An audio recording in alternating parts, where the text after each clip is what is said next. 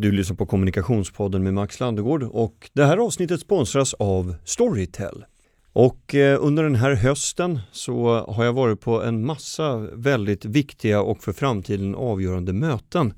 Det har gjort att jag eh, inte alla gånger har kunnat ha sinnesnärvaro inför mötena utan då har jag verkligen behövt hjälp utifrån för att kunna liksom samla tankarna och ge ett eh, lite mer lugnt intryck. Då tycker jag faktiskt att Storytel är väldigt bra. Jag har sett till att gå dit till mötets lokalen eh, kanske en kvart, 20 minuter innan och bara dyka in i ett nytt universum. Låta mig omslutas av en helt annan atmosfär. Eh, väl dold hoppas jag då från eh, den som jag har avsett möta på de här olika viktiga mötena. Där är Storytel väldigt bra. Du behöver inte sitta och se um, ignorant ut med en tjock bokperm som dessutom väger som en uh, gammelgädda i ryggsäcken. Utan det finns ju där, lätt tillgängligt i mobilen. Så um, om inte annat för att uh, fånga ett axplock utav lite you can do it litteratur inför ett viktigt möte så kan jag rekommendera att du kan gå in på Storytel. Det var vårt sponsrade meddelande. Nu fortsätter Kommunikationspodden.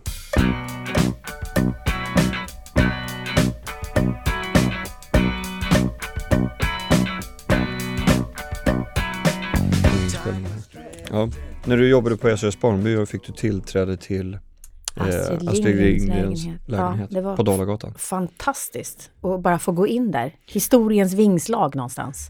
Men eh, när var det här? 2005 Ja. ish. Sådär. Levde någonstans. hon då? Nej, det gjorde hon inte. Han det hade gått bort. Men allt var ju kvar. Alltså allt stod Mm. kvar precis som hon hade lämnat det. Är det inte det fortfarande? Jag tror Eller? det. För Nej, jag- liksom, ja, hennes eftermäle, Ja, jag tror att den stod Och- kvar precis som, som den var faktiskt. precis, med dess juridiska personer har väl fått liksom ta över och förvalta det. Ehm, du, ditt första reklamjobb, vad, vad var det för något? Oj, jag jobbade på webbyrå i slutet på 90-talet. Då alla storföretag skulle bygga webbar. Och det var ju, ingen visste riktigt hur de skulle gå tillväga och allt gick på löpande räkning och hela IT-branschen blomstrade. Det var på Mm. den tiden som Löpande räp, räkning. Exakt, precis så var det. Och tillväxt mättes i antal anställningar och hur snabbt bolagen växte. I år ska vi anställa 35. Det var det som var liksom målet. Eh, vi vet ju alla hur det gick med det, men det var ju väldigt kul för man lärde ju sig från grunden ehm, på det sätt det funkade då med HTML och liksom, hårdkodning och skriva copy för, för webben på den tiden. Ha- det var har, superkul. har du lärt dig koda? Jag kunde lite grann då. Mm. Det är ju ett tag sedan nu då. Så det är inte någonting som jag håller på med dagligdags, men det är ändå kul att förstå hur det såg ut och hur man bygger upp det från grunden. Nej, du har ju lite annat att göra, tänker jag. Just nu, ja. Ehm, Mm. Just det, jag har ju glömt att eh, påannonsera själva avsnittet. Det ska vi ju såklart också göra. Mm. Marta. Hej. Visst är det så man säger Ja, det är förnamnet? så man säger Bra, förnamn. tack så mycket. Jag har lyssnat till Hurru också, så att du vet. Det, jag är van vid det mesta. Ja. Eh, härlig energi, det här kommer bli en trevlig intervju. Marta Karlqvist, Norden-chef för Burson Cone Wolf, BCV. Eh, välkommen till Tack. Kommunikationspodden. Tack så Vad mycket. vad kul att du vill vara här. Jag jag gissar att du har väldigt bråda dagar. Jag tror att vi försökte hitta en tid mellan 12 och 16 gånger innan vi liksom hittade. Men vi hittar en, det är det viktigaste. Ja, för Ja. all del. Eh, jag tänkte att vi ska prata om två saker egentligen. Eh, dels om hur man, hur man skapar lönsamhet Mm. och sen om ledarskap. Mm. Eh, vilka, vilka utmaningar kunde du se framför dig innan du tackade ja till att bli Nordenchef? För Burson Conan Wolf eh, har ju närvaro och kunder inte bara i Norden utan Mm. över hela Europa och även Mm. utanför. Så det är ett väldigt stort ansvar. Vad, vad tänkte du kunde bli de största puckarna? Först fick jag ju ansvar för Sverige, där vi hade ett Börsenkontor och ett Conor Wolf-kontor som då skulle slås ihop. Så jag började ju i den änden så att säga. Ehm, det, det var ju mest att flytta ihop alla så att man får lära känna varandra sådär. Och när det gäller Nordenrollen så var det inte formulerat som en fråga. Om du förstår vad jag menar. Eh, jag hade ett samtal med min chef där han sa, jag har pratat med våran globala VD och nu är det så här att vi vill att du tar över Norden. Jaså? Eh, Okej. Okay.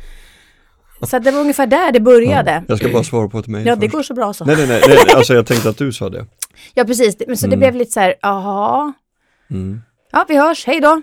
Okej. Okay. Eh, och sen var det ju rätt lätt att lista ut att det behövdes göras ett krafttag för inte någon av de andra länderna gick särskilt bra. Nej. Så att det är väl det som de vill att jag ska lösa på något sätt. Mm. Sen är, är det, det löst eller håller ni på med det nu? Jag håller på med det nu. Så Vad är problemet då? Varför, varför går det inget bra? Ja, det är det jag försöker lista ut. Okay. Så att det är ju så här, var kommer pengarna in? Var försvinner de ut? Och varför försvinner det ut mer än det kommer in? Mm. Um, och där jobbar jag mycket med landscheferna själva på att så här, hur ser du på den här situationen och vad skulle vi kunna göra bättre och skulle vi kunna jobba mer effektivt och varför läggs det pengar på det här och inte det där? Mm. Um, det där är, om jag får uppehålla mig ett kort ögonblick vid just det där så blir jag ju väldigt nyfiken på vad, vad, vad har du för verktyg i lådan där för att eh, kunna systematisera och mäta eh, lönsamheten. Just så att man kan kontrollera att det som kommer in är mer än det som kommer ut. Jag är ju jag må vara en yvig och intensiv person, men jag är galet förtjust i siffror. Så att kunna följa en budget, eller vad, jag, eller vad vi i vår bransch kallar för working version, vi jobbar ju på engelska, där man hela tiden ser och prognostiserar framåt vad pengarna kommer in och vad pengarna kommer ut. Det jobbar jag med löpande över året för att ha en bättre känsla för hur, vad man kommer att prestera vid slutet av året. Och det är självklart det jag har tittat på, um, framförallt i Norge och Finland just nu, som är de största marknaderna utöver Sverige. Um, sen är det ju erfarenhet. Jag, jag har ju haft samma typ av jobb i 15 år nästan. Så det är klart att man har gått på miner ibland, men man har också lärt sig väldigt mycket. Um, och, och sen är det inte hjärnkirurgi vi sysslar med. Det är rätt enkla eh, ekvationer faktiskt. Vi jobbar med kunder, vi ser till att de är nöjda. Därifrån kommer intäkterna. Kostnaderna är personal och lokal. Och sen så kanske man sprätter pengar på onödiga saker och då får man se över det. Vad är onödigt då? Eh, jag ska dra ett exempel som är väldigt roligt. När jag började, eller väldigt roligt, men när jag började på Conor Wolf 2010 eh, så en av sakerna jag sa att jag ville göra var att se varenda faktura som kom in. Och då upptäckte jag ett förråd på Birger Jarlsgatan som var relativt stort och kostade därmed relativt mycket pengar. Ehm, frågade, liksom, frågade medarbetarna vad är, det här för, vad är det här för förråd? Ja, det vet ingen. Det står några möbler där från 80-talet. Ja, men det känns ju mm. jättebra. Rimligt. Eller hur? Mm. Så bara, de var ju inte värda någonting. Det var bara kasta möblerna, stänga förrådet, spara pengarna och sen gå vidare. Så att det finns mycket man kan göra bara på att titta på var pengarna försvinner ut någonstans. Mm. Det är inte det roligaste, men det gör det ju en gång. Mm. Det är inte som att om ett halvår måste göra om samma sak igen, för då vet du ju att gå in med öppna ögon i eh, de typer av affärer eller upphandlingar eller köp man väljer att göra. Så det är en engångsgrej. Finns det någonting som du skulle kunna föreställa dig att andra gör fel där? När det kommer till att ådra sig saker som man tror är viktigt men som faktiskt inte är det?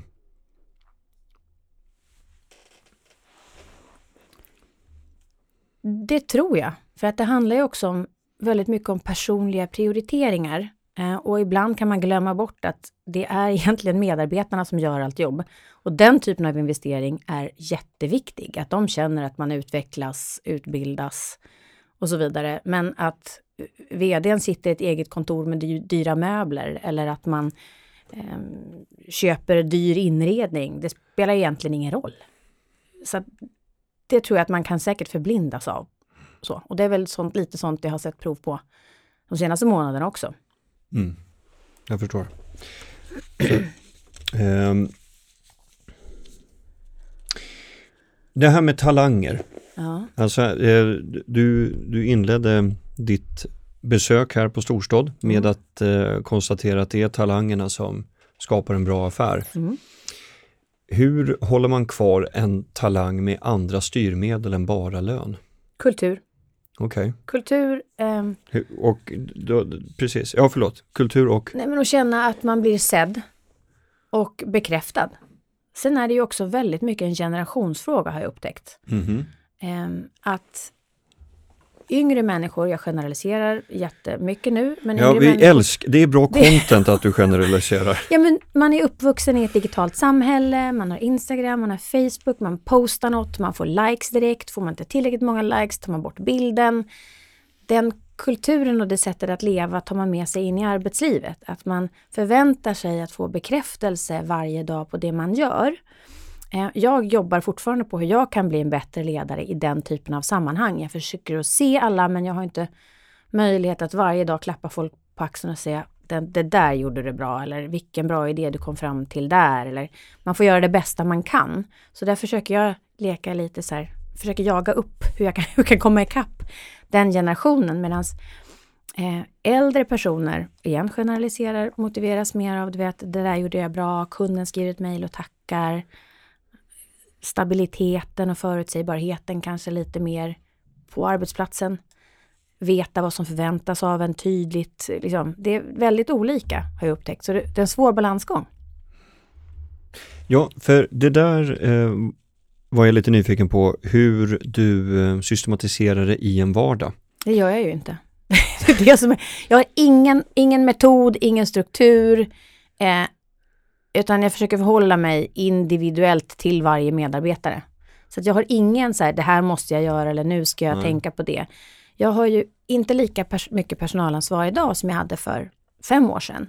Ehm, då jag jobbade mer liksom, regelbundet då med medarbetarsamtal och avstämningar. Det, jag, det enda jag har att hålla mig i, eller enda, det är att jag brukar ha kvartssamtal med alla medarbetare två gånger om året. Då sitter jag ner så får de berätta för mig vad som funkar, vad som inte funkar och vad de skulle göra på kort och lång sikt om de eh, drev byrån. Och bara lyssna. Mm. Det ger väldigt mycket. Jag tror inte att det bygger kultur på samma sätt som det här löpande, jag ser dig approachen gör. Eh, Jag tror att den är viktigare nästan. Hur man förhåller sig till vardagen. Att man säger hej till folk när man kommer in på Mm. morgonen. Att man frågar, jag ska gå och hämta en kaffe, vill du ha en? Att vara, liksom, vara en av flera i den, ett sammanhang. Sen du tog över Conan Wolf 2010 så har eh, byråns omsättning ökat med 76 procent. Ja. Eh, vad, vad är knepen? Rätt folk. Ja. Det är alltså supernoga med vilka man anställer. Och sen se till att de har rätt förutsättningar för att göra ett bra jobb. Hur går den här anställningsprocessen till då? Jag vill aldrig träffa folk i första skedet. Jag är... Jag tycker om att läsa av energi. Jag vill aldrig vara den som avgör huruvida personen har kompetensen att göra det, det vi söker just då. Jag lämnar jättegärna det till någon annan. Då vet jag att i det skedet den här personen jag träffar den här personen så är, är det bara att avgöra huruvida den här personen kan tillföra något till teamet eller inte. Och där är jag supernoga med att man bör vara lite olik oss andra. Så att jag ser ju på verksamheten lite grann som ett pussel. Och om en person slutar så tar man ut en bit mitt i pusslet.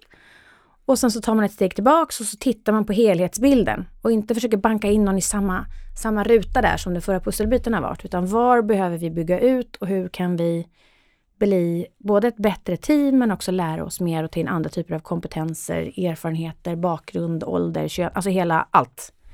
Så att jag försöker se det liksom från, från ruta ett igen och då är det det jag går in och bedömer. Inte hur duktig du är på CRM eller hur avancerad du är på liksom, digital programmering utan det får någon annan göra.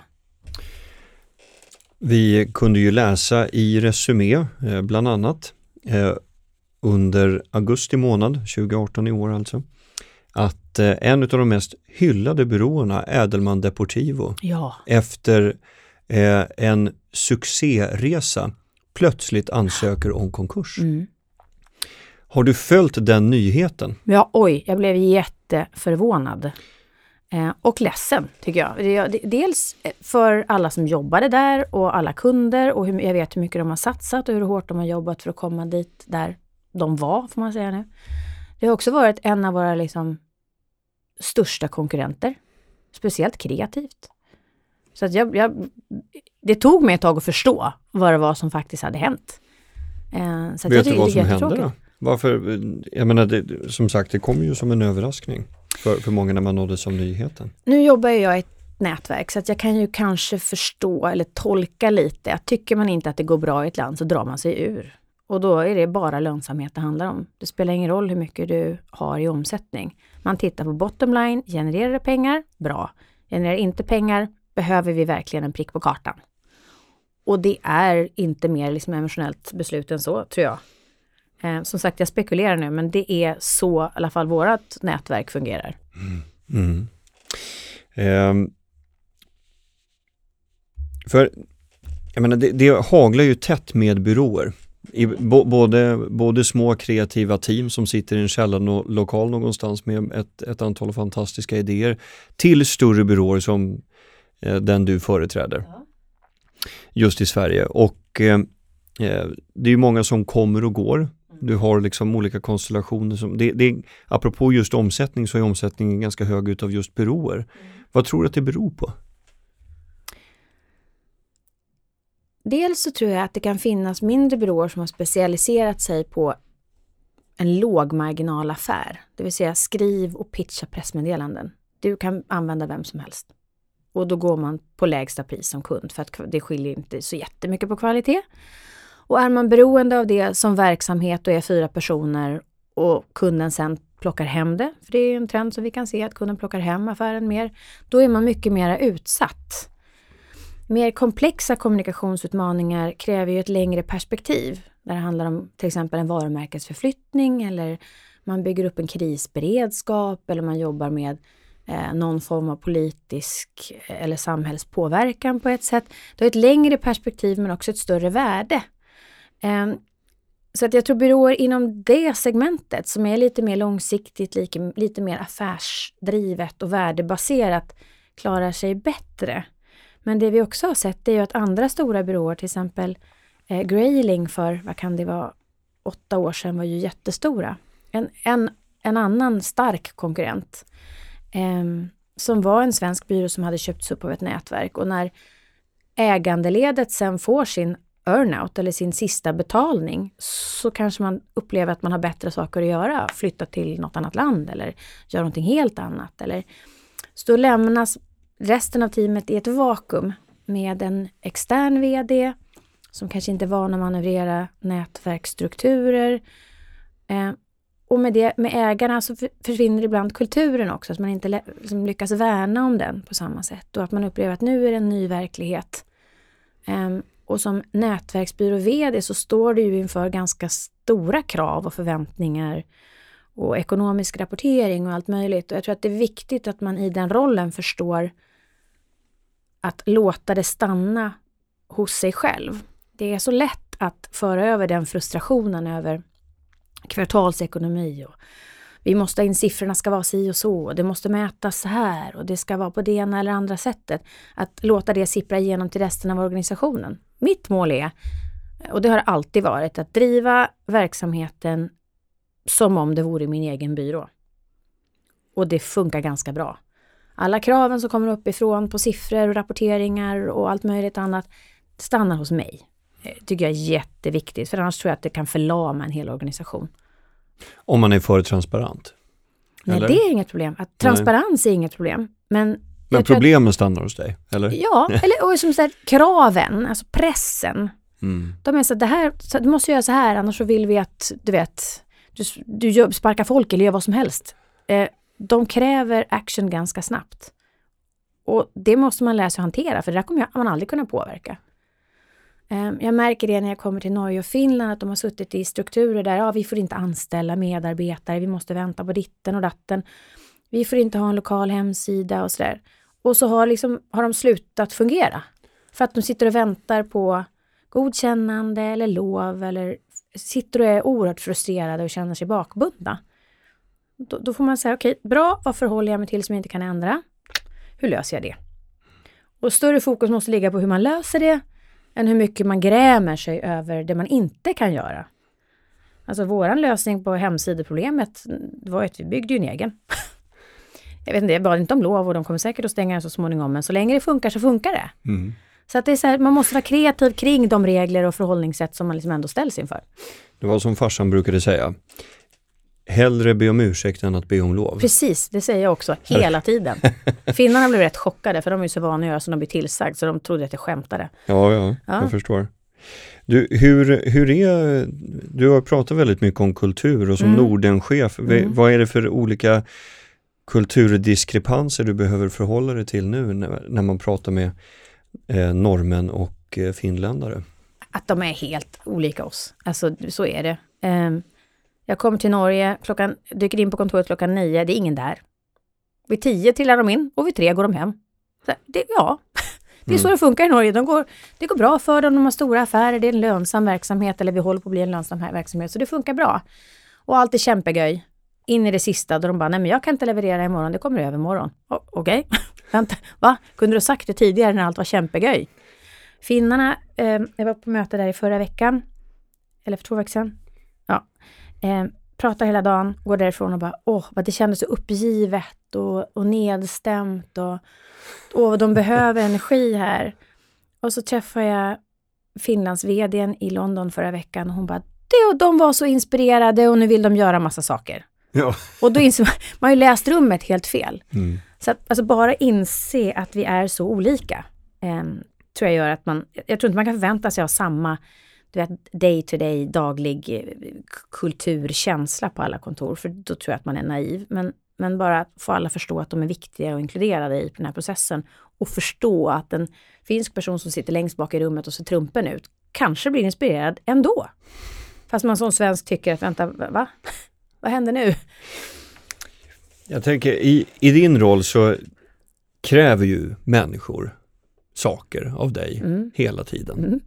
Eh, beroende på vilken eh, del av schatteringen man tillhör så kan det antingen vara högre lön, ytterligare en kurs, Mm. eh, bättre kvartalsrapporter Mm.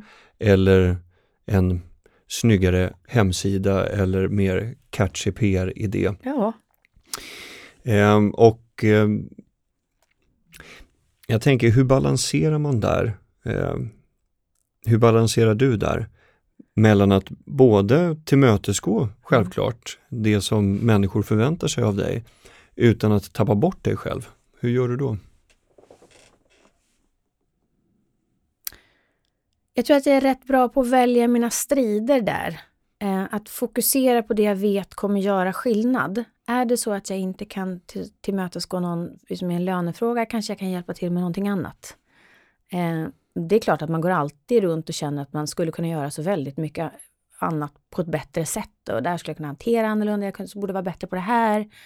Eh, men jag tror man får vara liksom lite pragmatisk i sitt förhållningssätt. Igen, det finns ju vissa saker jag inte kan påverka. Jag får en lönepott och den ska fördelas ut och då är det det det är.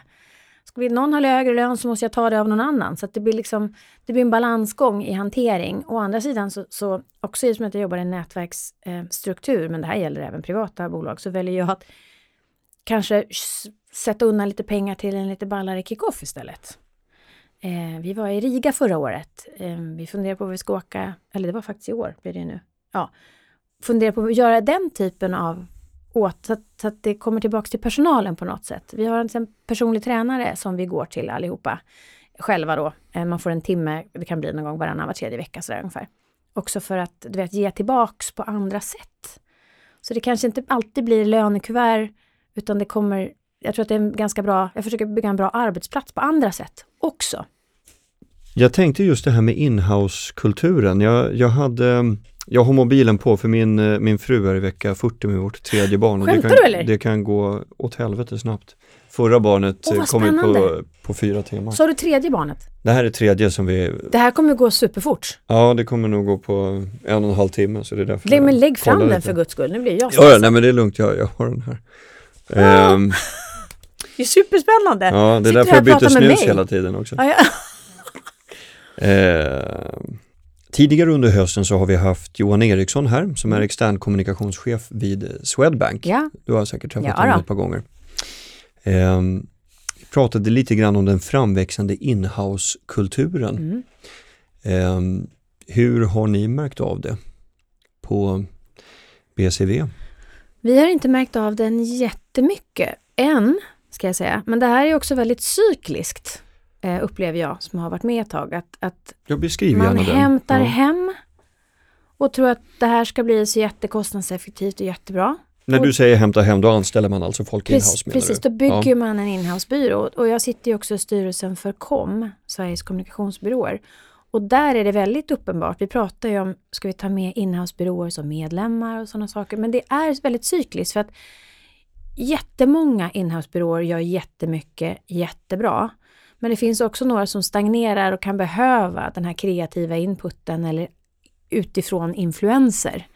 Eh, en fördel som, som vi har som, som byrå är ju att vi jobbar med så otroligt många olika typer av verksamheter och kan ibland stjäla idéer som vi har tagit fram för ett bensinmärke som vi kan använda på ett hotell, som vi sen kan använda på ett läkemedelsföretag. Men med olika typer av kreativa uttag. Jag tror sitter du och jobbar med en produkt eller en tjänst så är det lite svårare att få in den inspirationen om man inte jobbar väldigt mycket med att gå på föreläsningar och andra typer av liksom, prisutdelningar eller så. Att man måste få in den här influensen på något sätt. Det får ju vi med oss bara. Men som sagt, jag tror att just nu kommer det ske, för jag tror att det kommer att komma en lågkonjunktur snart och då är det ett naturligt steg i det. Man sparar pengar på dyra konsulter, de är lätta att göra sig av med. Man plockar hem produktion ofta då. Ehm, och sen kommer man i en högkonjunktur igen och då blir det, ja men nu ska vi ta ut svängarna lite grann. För det är väldigt många bolag som bromsar sig igenom en lågkonjunktur. Och det är få som gasar. Så det, det är som naturligt. Du sa det här att det är få företag som gasar i en lågkonjunktur. Mm. Hur gasar man i en lågkonjunktur? Det Pratar en- vi på byråsidan nu eller snackar du Nej, kunderna? nu pratar jag kunderna. Mm. Alltså just när man märker att man börjar sälja mindre, alldeles oavsett om det är produkter eller tjänster eller vad det nu är för någonting, så är ju inte lösningen att, att dra ner på marknadsföringen, utan det är oftast tvärtom. Ehm, plus att det är få som jag tycker tar tillvara på den punkten och börjar bygga varumärke. Eh, att, att hämta hem och vara försiktig förstår jag är logiskt ur ett ekonomiskt perspektiv. Men har man möjligheterna så är det då man får mindre konkurrens om utrymme. Du vet, det finns en möjlighet, för högkonjunkturen kommer, det vet vi ju. Att, att börja rusta sig för den, som kanske i och för sig tar 5-10 år. Eh, Men ändå vara förberedd för när den kommer och att vara i första position då. Är vi på väg in i lågkonjunktur nu? Alltså jag har ju verkligen inga vetenskapliga bevis för det här överhuvudtaget, men jag tror det. Alltså, och det är också eftersom att historien visar att det skulle kunna vara så. Igen, jag jobbade i digital IT-världen i slutet på 90-talet, då man mätte framgång i antal anställningar och så vidare. Det som hände då var att många IT-bolag köpte upp kreativa byråer. Vad händer idag? IT-bolagen, managementbolagen köper upp kreativa byråer. Jag bara säger, jag kan inte låta bli att se paralleller i hur det var för 20 år sedan Mm. och ser samma mönster idag. Ehm, jag tycker man märker inte så jätte, alltså vi påverkas inte jättemycket av det. Jag har inte märkt neddragna budgetar på det sättet eller på den skalan. Men jag misstänker att det kommer. Jag menar räntorna kommer, framförallt bostadsräntorna kommer med säkerhet gå upp. Mm. Och, och det säger experter också. Så jag tror att man ska vara, gå in i 2019 med lite öppna ögon och lite realism. Istället för för höga förhoppningar, bara oj nu ska vi växa och bli, ta över världen. Att, att vara lite mer realistisk i, vi har ju planerat att göra li, lika mycket intäkt nästa år som vi gör, gör i år. Bara för att liksom safea upp lite grann. Vad, vad tycker du att andra byråer ska ha för beredskap? Eller ännu hellre, eh, vilka delar av den branschen vi tillhör kommer att påverkas mest av en lågkonjunktur, tror du? Alla konsulter. Mm. Alltså Alla det, som hyr ut sina timmar Ja, och sitter in-house. Ja, oavsett om man är en person. Ja, du behöver inte sitta in-house. Du kanske levererar en podcast till ett Mm. företag regelbundet. Det är det absolut enklaste och Att mest smärtfria att skära bort. Mm. Eh, och då spelar det ingen roll om man är frilans och gör, skriver böcker åt en stor kund inom bankväsendet eller om du jobbar med kreativa kampanjer eller om du jobbar med ett långsiktigt varumärke, en långsiktig varumärkesresa. Det säger också sig självt att jobbar man med en, långsikt, en långsiktigt eh, projekt eller vad man ska kalla det för så sitter du ju säkrare än att vi hoppar över den här julkampanjen som vi gjorde förra året bara för att spara lite pengar. Det är ju jättelätt att göra som kund eller som storföretag. Mm. Så att det är klart att vi är mest utsatta. Det, så är det. Mm. Vi har varit inne på 2019. Mm.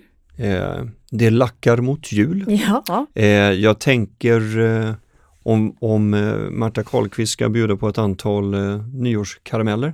Hur ser eh, prognosen för 2019 ut? För, för, för din verksamhet och din roll kanske, vad skulle du säga att nästa år bär i sitt sköte som vi inte kanske kan se i samma utsträckning Ja, under betyd- 2018? Betydligt fler flygresor. Så jag har ju börjat lite nu som sagt. Mm. Det blir betydligt mer nästa år.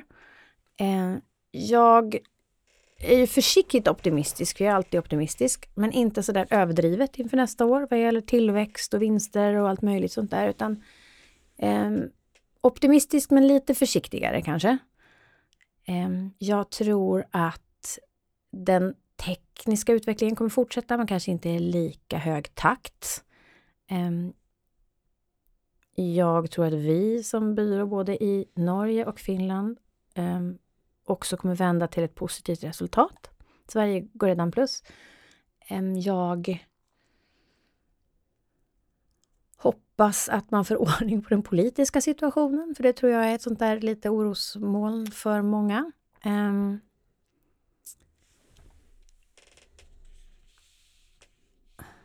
Vad hoppas jag mer för nästa år?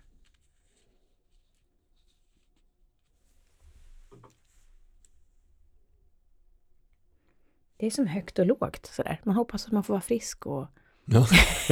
att vi inte tappar några stora kunder och att Nej. alla får vara friska och vi slår cancern liksom.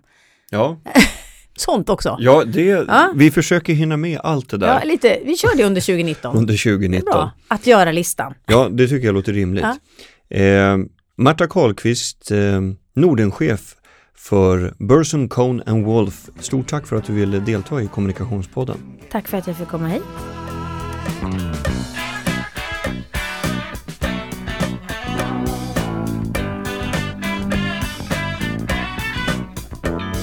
Du har hört Kommunikationspodden med Marta Karlqvist och Kommunikationspodden är ett samarbete mellan tidningen Resumé och Storstad Medieproduktion.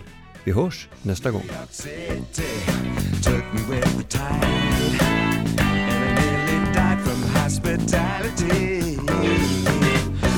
me sweat.